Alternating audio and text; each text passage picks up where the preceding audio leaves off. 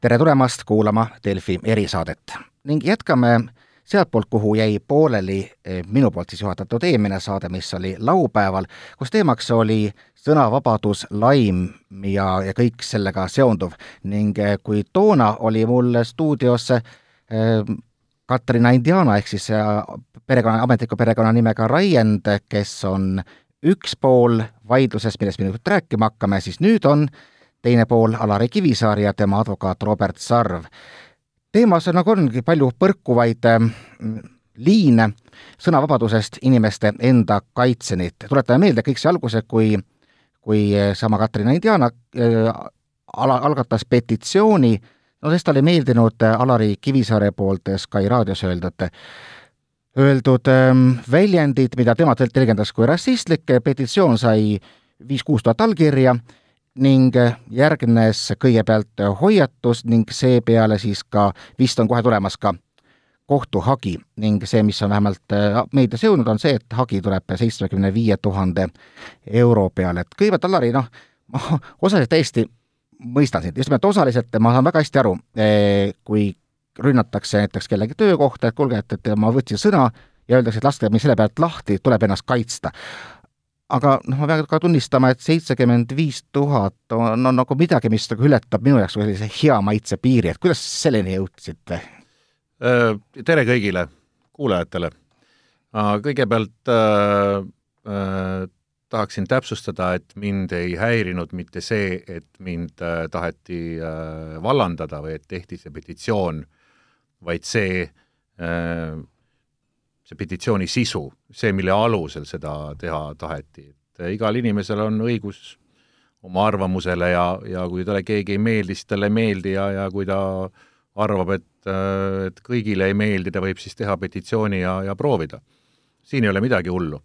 et eh, see on, see, see ei ole praegu nagu üldse teemaks, teemaks oli ikkagi see sisu ja need rängad süüdistused, üsna ühesed süüdistused, ja see oli see, mis minul punase tule nagu põlema pani, aga aga sellest äh, rahast rääkides ma ise siiski noh, pigem nimetaks seda summat, summat sümboolseks, arvestades kahju, mida mulle tekitatud oota, korraks täpsustame, me väga-väga täpselt ei taha protsessi sisse minna. ja ma ka ei tahaks. just nimelt, aga ikkagi, ikkagi just nimelt see, et noh, meedias on jäänud kõlama, et lihtsalt öeldi, no et öeldi, et Alari Kivisaar on, on rassist või oli midagi nagu konkreetsemat, mis häiris? no ega see oli ikkagi põhiline jah mm. -hmm et kui sulle ikkagi pannakse rassismisüüdistus külge ja see ei olnud nagu, et lihtsalt keegi oma blogis arvas või, või kuhugi kommentaari kirjutas, vaid see oli ikkagi üleriigiline kampaania, kuhu kaasati noh, enam-vähem kogu Eesti rahvas. noh, see on, see on mingi märk, mis jääb sulle külge, olenemata sellest, kas sa oled süüdi või ei ole, ja seda on nagu väga raske, väga raske maha pesta, noh, kui kümne aasta pärast keegi guugeldub mu nime, esimesena tuleb välja, et ma olen rassist ja, ja, ja ma ei tea, kui ma tahan Ameerika viisat saada, kas ma saan, eks ole. ja kogu selle asja juures on nagu noh, kõige rohkem nagu ajab, võib öelda lausa närvi see, et ma ei ole rassist. tegelikult ma ei ole seda, ma ei ole ka šovinist ja ma ei ole isegi rott. et äh, noh, see on nagu täiesti käsitlematu. no nüüd on muidugi läinud ka teema laiemaks, et on tulnud noh, kas nõudekirjad või vähemalt hoiatused on tulnud näiteks Zuzo Izmailovale, Saiss Hennole ja nii edasi, et et mingil põhjusel on on teist saanud just nagu selline nii-öelda käilakuju, kes, kes kaitseb enda au ja väärikust korraga mitmel rindel, et ma saan aru, et, et kas üks petitsioon oli siis see, mis selle kõik vallandas või, või miks, miks järsku niimoodi olete noh, harilikud inimesed, nad, vaata, nad ei kuluta niimoodi kohtuid ja ei, ei, ei tee seda ega minagi ei uskunud, et ma kunagi jõuan üldse sellise asjani. aga siin on üks äh, hea vanasõna, et nii nagu küla koerale, nii koer külale. et kui sinu kallale tullakse, või oli see vastupidi? et kui sinu kallale tullakse ikkagi niivõrd massiivselt, siis sul ei jää muud üle, kui analoogselt vastata. muidu, muidu sa ei, muidu sa ei, sa ei sa ei saa oma tulemust. te arvate, et see on nagu koordineeritud kampaania, et erinevatest suundadest tuli nagu ikkagi mitte, mitte, mitte juhuslikult? ei no see on juhuslik, see ei saa olla juhuslik, et see on noh, seda on näha, ma usun, et, et Robert oskab siin seda asja paremini sõnastada. just nimelt, et Robert Sarv, te olete nüüd võtnud selle kaasuse nii-öelda enda järjekordseks ja päris, päris palju tähelepanu pälvivaks pälvivaks juhtumiks, on olnud ka varem, kus on noh, ta ühest küljest niimoodi on ka teist saanud nii-öelda üks käilakuju, kes siis kaitseb inimeste au ja väärikust kõige selle eest, mis avalikus ruumis verbaalselt ringleb. no üks vastuargument on see, et ega, ega avaliku elu tegelane peab ju taluma tegelikult üsna, üsnagi palju, eriti kui sa näiteks oled poliitikaga, no tegelikult käib see ka, ütleme, ajakirjanike kohta, kes on pidevalt eetris, alustame sellest, et igaüks meist saab aru esmasest tasandist, mis asi on laim, kui kellegi kohta midagi valetatakse. Öeldakse, et inimene on varas, ta tegelikult ei ole varas, no selge, see on puhtakujuline laim. aga, aga samas jällegi edasi läheb juba asja keerulisemaks, et hinnanguid anda peaks ju ometi tohtima, et kui ma ma ei tea, ütlen mingi poliitiku kohta, et ta on hinges korruptant, on see juba hinnang näiteks ja kust need piirid nagu lähevad? jaa, tervist um,. eks see olegi väga subjektiivne ala ja eks vastuseid tulebki otsida hea maitse piiridest, ühiskonnast nii-öelda tervikuna, kuhu me nii-öelda tahame teel olla, ja ka kohtupraktikast, otse loomulikult. et on ju konkreetselt olemas kohtulahendid teatud sõnade kohta, kus öeldakse, et teatud sõnad ongi lubamatud. ja nende kasutamine ongi lubamatu. no näiteks eelmises eelmises äh, saates toodi just näide Euroopa Inimõiguste kohtulahendist, kus äh, ühe poliitiku kohta oli nüüd Saksamaa ja Austria, aga ühesõnaga, kui öeldi, kui öeldi, Austria jah, täpselt öeldi, et idioot ja kohus leidis, et kuna tegelikult kogu see mm, varasem, varasem argumentatsioon andis õiguse küll väga teravaks hinnanguks, siis järelikult äh, tuleb äh, konkreetne ajakirjanik õigeks mõista. jaa, ja mis ütleme, eelmises selleteemalises saates käsitlemata jäi, on, on ühelt poolt on faktiväited, teiselt poolt on väärtushinnangud, aga siis on olemas ka väärtushinnangud, mis tegelikult sisaldavad fakte. ja, ja see on, ütleme, selline nii-öelda eh, piiriala, kus näiteks kellegi kohta rassist öelda, siis see ei ole, ütleme, kuidas öelda, seal peavad olema ikkagi mingid objektiivsed nii-öelda kriteeriumid, objektiivsed teod taga. Ehk kui me nii-öelda tahame kedagi rassistiks tembeldada, siis ta peab olema kuskil nii-öelda mingisugust, ma ei tea, miitingut pidanud, kuskil kellelegi nii-öelda halvasti teinud, et see peab kuidagi objektiivselt kajastuma. ja, ja nüüd selle nii-öelda jutumärkides petitsiooni puhul oligi siis need, olidki need siis nii-öelda need kontekstist välja rebitud laused ja otse loomulikult kui me tahame inimest kuidagi sildistada ja me teeme seda kontekstist välja rebitud mingisuguste lausete alusel, siis me peame aduma, et see ei ole ju tõde. ja, ja, ja just see kontekstist välja rebimise fakt, ükskõik, kuidas me seda õiguslikult nimetame, on ta siis heade kommete vastane tegevus, on ta siis mingi käibekohustuse rikkumine, ta igal juhul ületab eh, hea maitse ja, ja lubatavuse piiri. ühesõnaga, et noh, nagu väidan see, et, et kogu see rassisti imago on puhtakujuliselt konstrueeritud. absoluutselt, et kui vaadata seda petitsiooni, no äh, inimene ise ka ju tunnistas, et äh, tuhat tähemärki ei võimaldanudki rohkem kirja panna, aga miks ta siis ei pannud seda objektiivsemalt kirja? miks ta ei kirjutanud, et see on, ütleme, minu mingisugune väga liialdatud tõlgendus sellest asjast? ta pani ju, ta presenteeris seda kõike faktide pähe ja, ja seda inimesed jäidki uskuma, ega see nii-öelda see massieufooria, mis sinna nii-öelda selle noh, loetud tundide jooksul tekkis, et tundide jooksul koguti ju tuhandeid allkirju, siis see lähtuski ju sellest, et inimesed nii-öelda pidasid seda inimest piisavalt usaldusväärseks, et tema kirja pandud sõnad mõjusidki neile tõena, keegi ei läinud eh, neid fakte tegelikult ju kontrollima ja, ja lähtutigi puhtalt nii-öelda sellest, mis sinna kirja pandi. ja see on ka see näiteks üks põhjus, miks mõnikord nii-öelda nurisetakse ka näiteks mõnede artiklite, ajakirjandusse avaldatud artiklite üle, et et pealkiri on eksitav, aga inimesed loevadki ainult seda pealkirja. keegi ei lähe kuskile mingit suurt uurimistööd tegema, et kas need faktid on õiged või valed. vot see ongi see peamine nagu etteheide selles asjas. ma siin äh, veel sa, Krister, väga hästi ütlesid, et, et kui sa oled avaliku elu tegelane, et kas sa oled siis poliitik või või meelelahutustegelane, et sa pead nagu arvestama sellega, et sa saadki kriitikat. ja, ja ma olen sellega ka eluaeg arvestanud ja ma olen ju saanud kõikides nendes kommentaariumites ja igast arvamuslugudes aastaid ja aastaid niimoodi on mind tümitatud, et vähe ei ole. ja, ja ma olen sellega leppinud, sest ma saan aru, et, et noh, piltlikult öeldes võib öelda, et töö on selline midagi ei ole teha, et mine siis teisele tööle, kui sa seda üle ei ela. aga noh, kuskilt jookseb nagu see piir, ja ma tõesti, ma tahan, et keegi mulle selgitaks, et mismoodi üks laimukampaania, mille eesmärgiks on inimese ja tema pere hävitamine, sõna otseses mõttes, kuidas see saab olla seotud mingilgi moel inimõigustega? mis inimõigustest me räägime? et kus minu omad on? et kas need inimõigused on sellised, et osadel nagu on ja teistel ei ole? Et see, see ei peaks nagu niimoodi olema, et see on nagu, ma ütlen veel kord, sa võid arvata minust, mis sa tahad ja, ja mõelda, mis sa tahad, aga sa ei saa asuda niisugusele omakohtulikule hävitustööle, no see on ju, vot see, see on nagu see koht, milles on nagu probleem. no, no vastuargument saaks ju olla see muidugi, et, et, et aga vaidleme samas ruumis. et kui meie teeme avalikkuses, meedias, noh, petitsiooni, siis me ei lähe kohtusse seda lahendama, vaid me anname nii-öelda vastulöögi samas ruumis. Ma võin täitsa oma kogemusele rajanedes öelda, et see ei tööta sa võid meedias ja sotsiaalmeedias ükskõik kui palju seletada, ükskõik kui palju rääkida, see ei vii mitte kuhugi. see on, see on üks tohutu müra ja kogu see, see meedias peetav, see sõnasõda ja, ja üksteisele, üksteise vastu, vastu väidete esitamine ja sel, päeva lõpuks ei vii mitte kuhugi. Et seda võib teha, tead, väiksematel juhtudel nalja pärast, aga antud hetkel, kui kogu minu ja mu er, elu ja mu pere au ja kõik on nagu mängu pandud, mul, mul ei ole muud varianti, kui, kui lasta erapooletul poolel otsus teha, kes siis on süüdi ja kes ei ole süüdi ja selleks saab olla ainult, ainult kohus.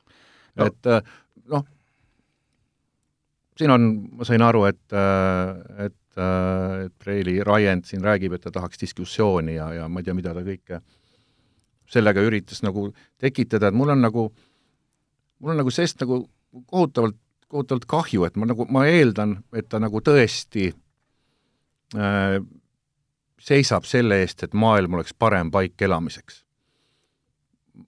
ja see, ja see on tema eesmärk. siis ma ei, ma ei, nagu ei mõista, et, et äh, kui see on tõesti päriselt tema eesmärk ja ta tahab seda saavutada, miks ta ei võtnud näiteks meiega ühendust? Öelnud, et kuulge, poisid-tüdrukud, mina tean neid asju täpselt, mul on info, et ma tuleks teile saatesse külla me oleks äh, saates maha istunud, ma oleks rääkinud, milles need probleemid seisnevad, kust need on tulnud, miks mingid asjad on nii, miks mingid asjad on naa, ja me oleksime saanud temaga koos seda maailma paremaks muuta. Aga ta valis tee, mis kahjuks muutis selle maailma veel halvemaks. ja ühiskonnas tekkis lõhe veelgi suurem. ja, ja see on nagu minu jaoks nagu mõistetamatu et no, miks pidi sellise kurjusega selle asja kallale nagu asuma, sellest ma nagu aru ei saa. no see on üks põhjus näiteks, mispärast noh, meie ka üldiselt Arvamustoimetuses üritame vältida kõigi teiste peale poliitikute, üritame vältida teemade käsitlemist läbi isikute, seda nagu ütle, öeldakse ka, üks vene ütlus on, et kas Ivan peksis või Ivani peksti, aga midagi ebameeldivat tema juures oli, et tõepoolest see natukene niimoodi jääb määrima. et üks märksõna, mis on nüüd kerkinud üles kogu selle temaatikaga, on, on eesti keelde tõlgitud kui tühistamine, inglise keeles nagu cancel damine, et ma saan täiesti aru, et ka see on osa, aga see on nagu osa ohust sõnavabadusele, kui me vaatame kas või näiteks USA ülikoolides toimuvat, siis seal on nagu väga tõsiseks probleemiks kujunenud see, kus üliõpilastele ebameeldivaid vaateid väidetavalt esindanud professoreid karjutakse maha, need ei lastagi enda seisukohti üldse esitada, mis loomulikult noh, akadeemilises maailmas ei aita mitte kuidagi kaasa inimeste küpsemisena, see on akadeemiline maailm, aga ütleme, kus jookseb nagu sellise noh, ma ei tea, diskussiooni ja, ja mahakarjumise piir, et äh, kui ikkagi mulle ei meeldi, mida Alari Kivisaar ütleb, ma peaks ju ka kuidagi saama seda ka väljendada. ja peab ja saab. sõnavabadusega, ma kinnitan, on Eestis jätkuvalt kõik väga hästi. igaüks võib minna kas või tasuta raamatukokku, teha interneti lahti ja kirjutada ükskõik millest, mida tal nii-öelda näpud nii-öelda klaviatuuri kaudu tahavad me kuskile saata, aga küsimus ongi selles nii-öelda argumentide pooles, et äh, me ei räägi lihtsalt suu lahti tegemise õigusest, vaid see, mis sealt suust välja tuleb ja vot selle nii-öelda, selle üle, mis sealt suust välja on tulnud, me praegu vaidlema hakkamegi. ja, ja ka selle viisi üle, ka selle vahendi üle, et me lihtsalt võtame teerulli, kleebime inimese põhimõtteliselt nii-öelda tee peale maha ja tahame temast nii-öelda ühiskondliku teerulliga üle sõita. vot see on see, ka see vahend ja see sisu on see, mille osas meil on väga suur etteheide. ja, miks me nimetamegi seda nii-öelda isiku tühistamiseks, seisnebki selles, et kui tahta teema üle diskussiooni arendada, nii, täpselt nii, nagu tegelikult Alari selles saates ka tegi, et ta ju tegelikult äh, arendas seda ühiskondlikku nii-öelda teemat, mis Ameerikas tema arvates ja saatejuhtide arvates üldse seal toimus, nii. ja ta käsitles seda sündmustikku, mitte seda inimest. ja, ja siis nüüd öelda, et äh, et ta ikkagi mõtles seda selle inimese kohta, ilma et temalt oleks selle kohta mingeid selgitusi küsitud, noh, nii-öelda selle teerulli diskussiooni laskutud. just, et teerulli käivitamiseks on seda natuke liiga, liiga palju. ja, ja, ja meie loodame, et see diskussioon Eestis saabki ja peabki edaspidi toimuma niimoodi, et, et see ei lähe isikupõhiseks, et kellel meist meeldiks olla selles nii-öelda teerullitavas positsioonis, mitte kellelgi. ja inimesed ei taju seda täpselt selle hetkeni, kuni nad on ise sattunud teerulli ette seisma ja neil ei ole võimalust nii-öelda sealt ära tulla ja see teerull juba sõidab. et Alari ilmselt saab sellest isikliku kogemuse pinnalt äh, paremini rääkida, noh, ka ma ise olen tegelikult ju noh, sarnaste nii-öelda väljaütlemiste objekt olnud ja ma võin kinnitada, et ega noh, see õhtul, ütleme, sellist nagu head tunnet ikkagi südamesse ei jäta no selge, et äh, paljuski see meie kogu ühiskondlik nagu diskussiooni tase on muutunud äh, ülimalt palju teravamaks, kui ta oli veel aastaid tagasi. kõik, mis algas kommentaariumist, on nüüd juba nii-öelda oma näo ja nimega, et äh, ma tean nii palju nii-öelda inimesi, kes ei taha enam osaleda tegelikult ühiskondlikus diskussioonis, kuna just nimelt see isiklik saast, mis pärast kaela kukub, on noh, liiga palju talud, kui ka ise talud, siis perekondi talu, et seda on ilmselt täpselt nagu ka Kalari on ka kõik ajakirjanikud ise taibanud, aga tei-, teiste, teise poole argument on see, et on päris palju sellist nagu diskussiooni vormi, mis on suunatud juba ka kollektiivselt eh, noh, te-, teisi tei-, teiste, välistamisele, teiste alandamisele, teiste kõrvaletõrjumisele, ehk siis nii-öelda nagu rassistlik äh, kõnepruuk, me jätame üldse kõrvale, kas kas praegu, kas Alari väited olid ras-, rassistlikud või mitte, tema ütleb, ta rassist ei ole, miks ma peaksin arvama, et ta, ta siis äh, etendab kedagi teist, kui, kui ta on.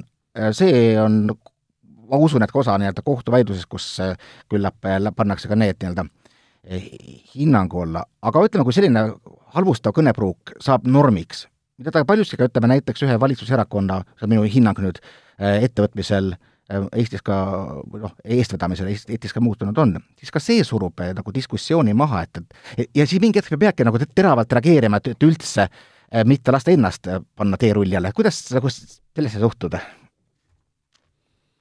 see oli nüüd väga pikk ja keeruline küsimus.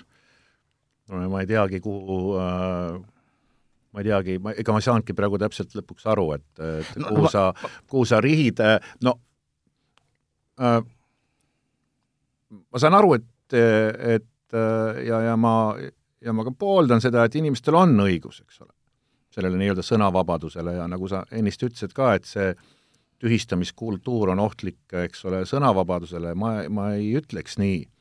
see tühistamiskultuur on ohtlik inimeste eludele noh, meil on siit võtta Eestist ühe noore inimese näide praegu, meil on võtta siit veel teisigi näiteid. see on nagu see koht. siin ei ole enam sõnavabadusega pistmist, siin on nüüd küsimus selles, kas inimene peab vastu või ei pea.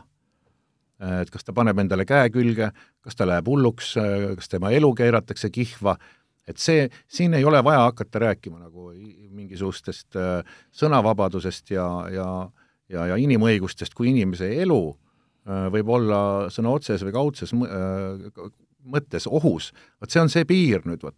see on see piir, millest mindi üle.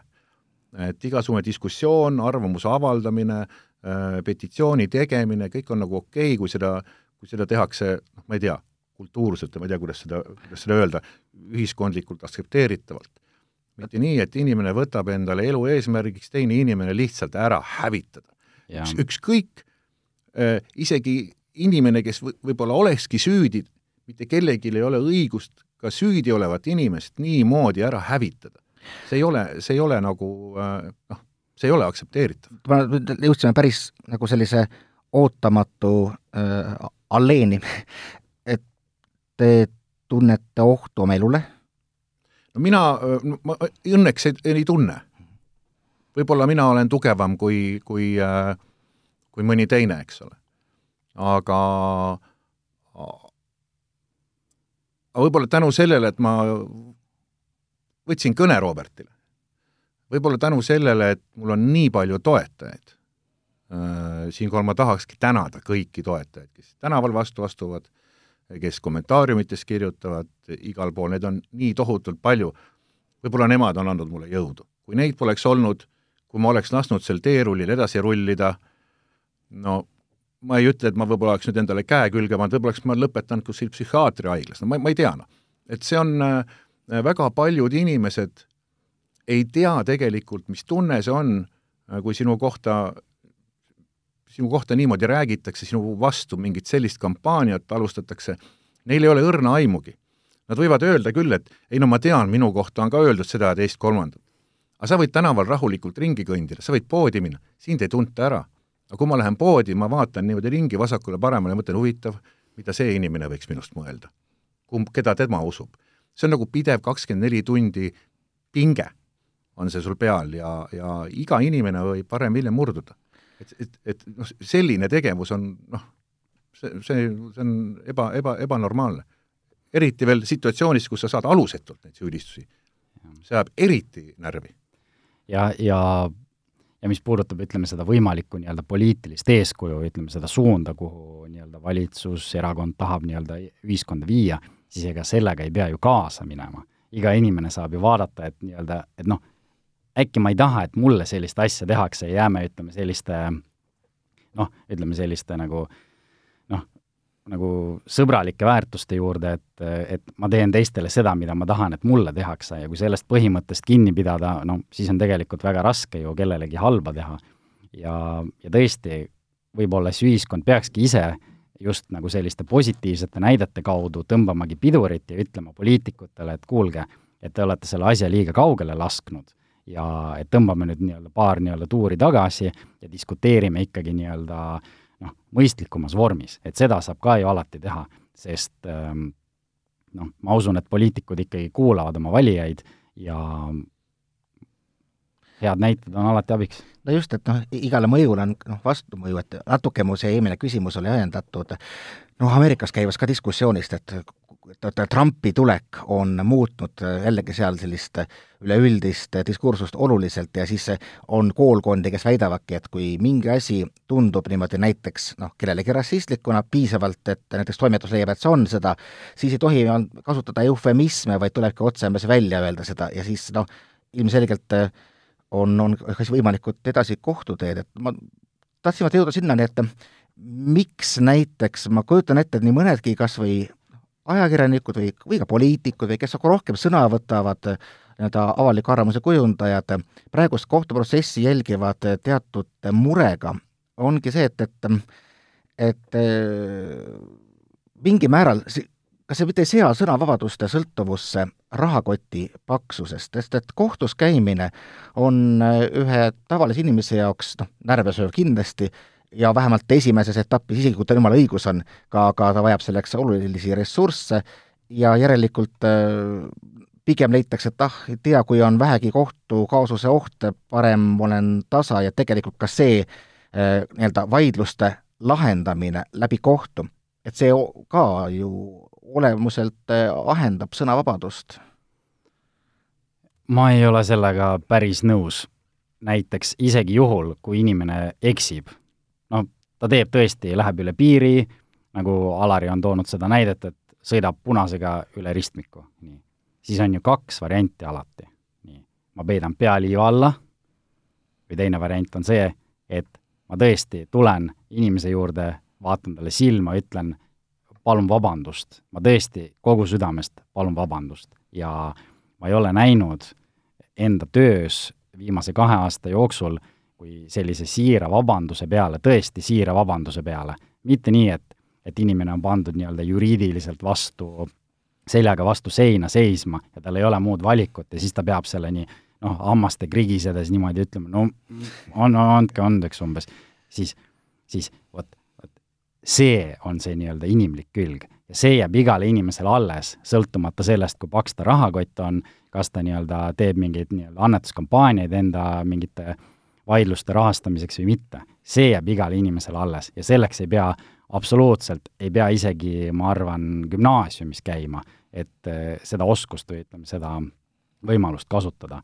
nii et äh, see, see ei sea tegelikult sõnavabadust ohtu, praegusel juhul me ju räägime sellest, et kas see nii-öelda miks, see konteksti nii-öelda miks, miksimine nii-öelda oli õige ja kas see vahend kui selline petitsioon teerulliga kellestki ülesõitmine on üldse lubatud. Need on kaks täiesti erinevat asja. et öelda võib ikka ja ma usun, et ka Alari oma töös äh, räägib nii-öelda ikka seda, mida ta arvab, mitte ei tõmba nüüd viis sammu tagasi ja, ja, ja siis see saade muutub, ütleme, selliseks nagu noh, väga kuivaks ja ja nii edasi, et inimesed mõtlevad, et mis nüüd saab. et see on tegelikult, on ju ka Alari poolt vaadatuna, on tegelikult ju oht sõnavabadusele, et kui nii-öelda mingid inimesed, kes on võib-olla tundlikumad teatud teemadel kui teised, hakkavad nii-öelda määrama, mida nii-öelda raadiosaates võib rääkida, mida mitte.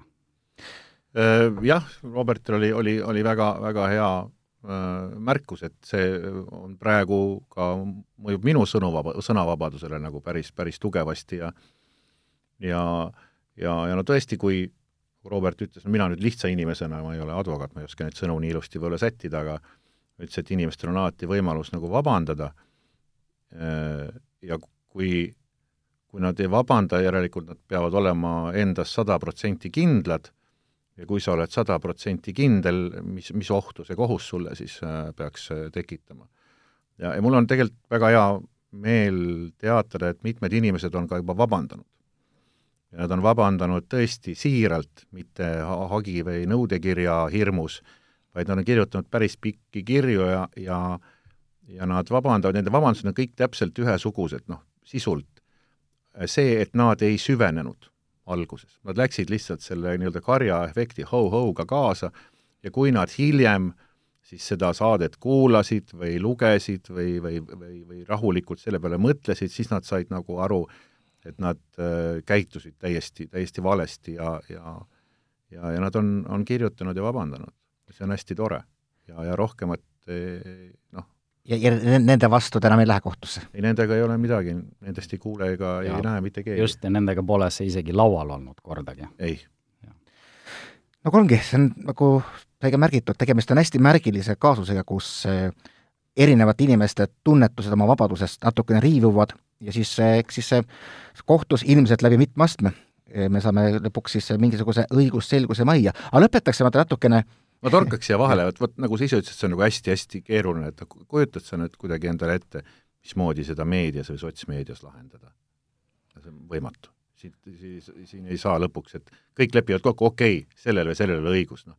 see jääkski elu lõpuni kestma. ma ei saa elu lõpuni sellega elada.